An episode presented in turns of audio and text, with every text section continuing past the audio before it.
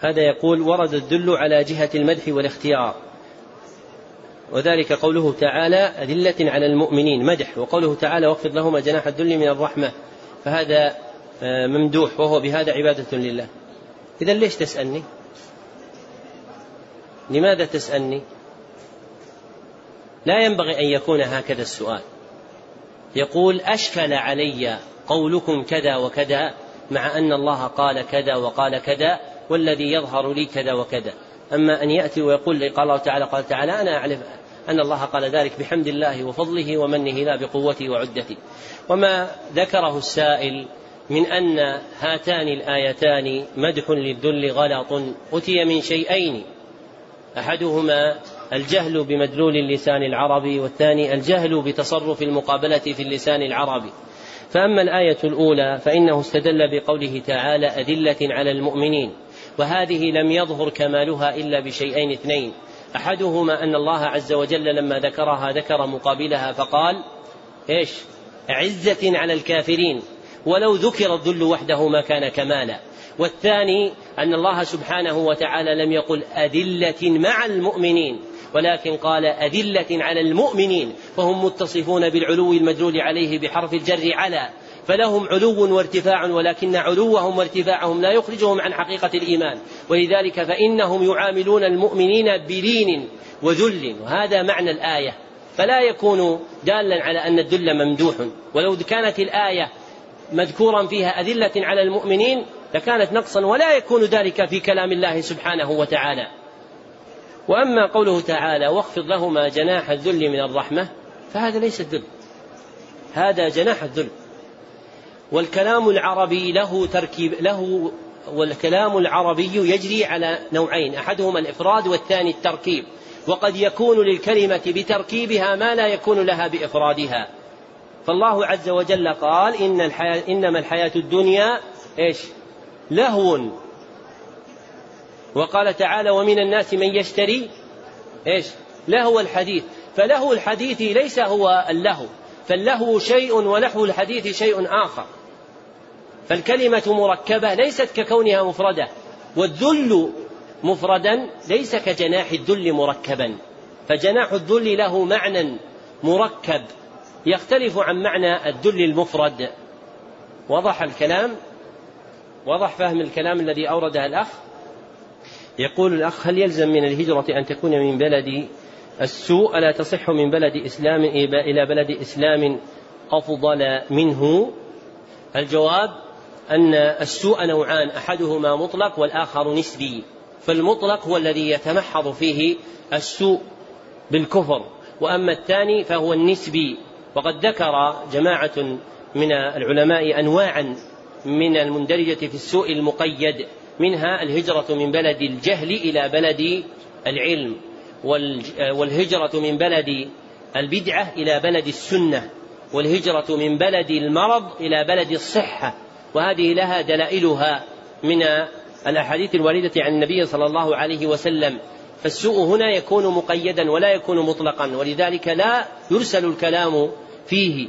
وتقرير هذه المسألة إنما وقع بما يناسب الحال دون الإحاطة بشذورها المتفرقة وفروعها المتبددة. وينبغي أن يتفهم الإنسان الكلام الذي يلقى إليه ويعي موقعه. وما زاد عنه فينبغي له أن يسعى في تفهمه. هذا يقول ما معنى قوله تعالى من الجنة والناس؟ ما الجواب؟ الجنة من هم؟ الجن والناس؟ الإنس والجن.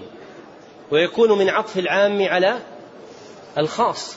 ولذلك قال الله عز وجل قل أعوذ برب الناس ملك الناس إله الناس من شر الوسواس الخناس الذي يوسوس في صدور الناس.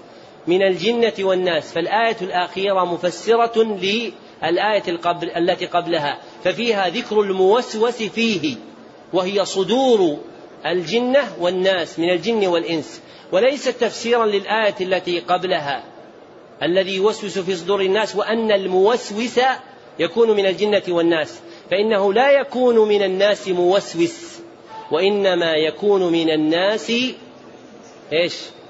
موشوش لأن الوسوسة إلقاء خفي باطن والوشوشة إلقاء خفي ظاهر. واضح؟ الوسوسة إلقاء خفي باطن والوشوشة إلقاء خفي ظاهر.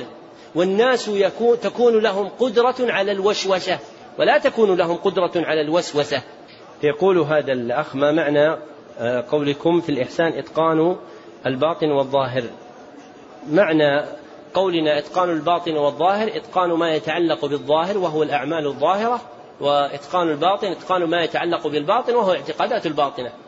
وهذه الحقائق الشرعية هي موجودة بدلائلها في القرآن والسنة وتفصيلها يحتاج إلى وقت مديد. ليس هذا محله لكن ليست لفظة منها بحمد الله إلا مبنية على دليلها وبها يحصل للإنسان فهم الإسلام والإيمان والإحسان وحقيقة الفرق بينهما. فإذا قيل الإيمان الذي يشمل الدين كله هو التصديق الجازم بالله تعبدا له بالشرع المنزل على محمد صلى الله عليه وسلم على مقام المراقبة والمشاهدة فهم حقيقة الإيمان وأنها تعم الدين كله لكن مبناها على التصديق الجازم. وإذا قيل له الإسلام هو استسلام العبد لله باطنا وظاهرا بالتعبد له بالشرع المنزل على محمد صلى الله عليه وسلم على مقام المشاهدة والمراقبة فهم أن الإسلام يعم الدين كله لكن مبناه على الاستسلام وهلما جر. يقول هذا الأخ أين نجد شرح ثلاثة الأصول وأدلتها؟ تجده في التسجيلات الموجودة في المسجد النبوي. هذه مسائل يا إخوان خارجة عن الدرس. المسائل الخارجة عن الدرس في المسجد يوجد من هو مختص بالإفتاء فيرجع إليه. هذا يقول كيف يكون إبطال دين المشركين؟ يكون إبطال دين المشركين بعيب دينهم والقدح فيه وأنه دين باطل. هذا يكون به إبطال دين المشركين والسعي في ذلك بما يستطيعه الإنسان. وقد روى أبو داود من حديث حماد بن سلمة عن حميد عن أنس أن النبي صلى الله عليه وسلم قال جاهدوا المشركين بأموالكم وألسنتكم وأنفسكم. فالإنسان يجاهدهم في إبطال دينهم بما يستطيعه. هذا يسأل أيضا في ضمن الأسئلة يقول ماذا يدرس الإنسان بعد هذا الكتاب؟ يدرسه مرة ثانية. لماذا؟ لأن الله سيسألك في قبرك عن ماذا؟ من ربك؟ لأن الملائكة. لأن الملكين سيسألانك في قبرك عن هذه الأسئلة الثلاثة. كما قال حافظ الحكمي في سلم الوصول وأن كل موقف مسؤول من رب ما الدين ومن رسول.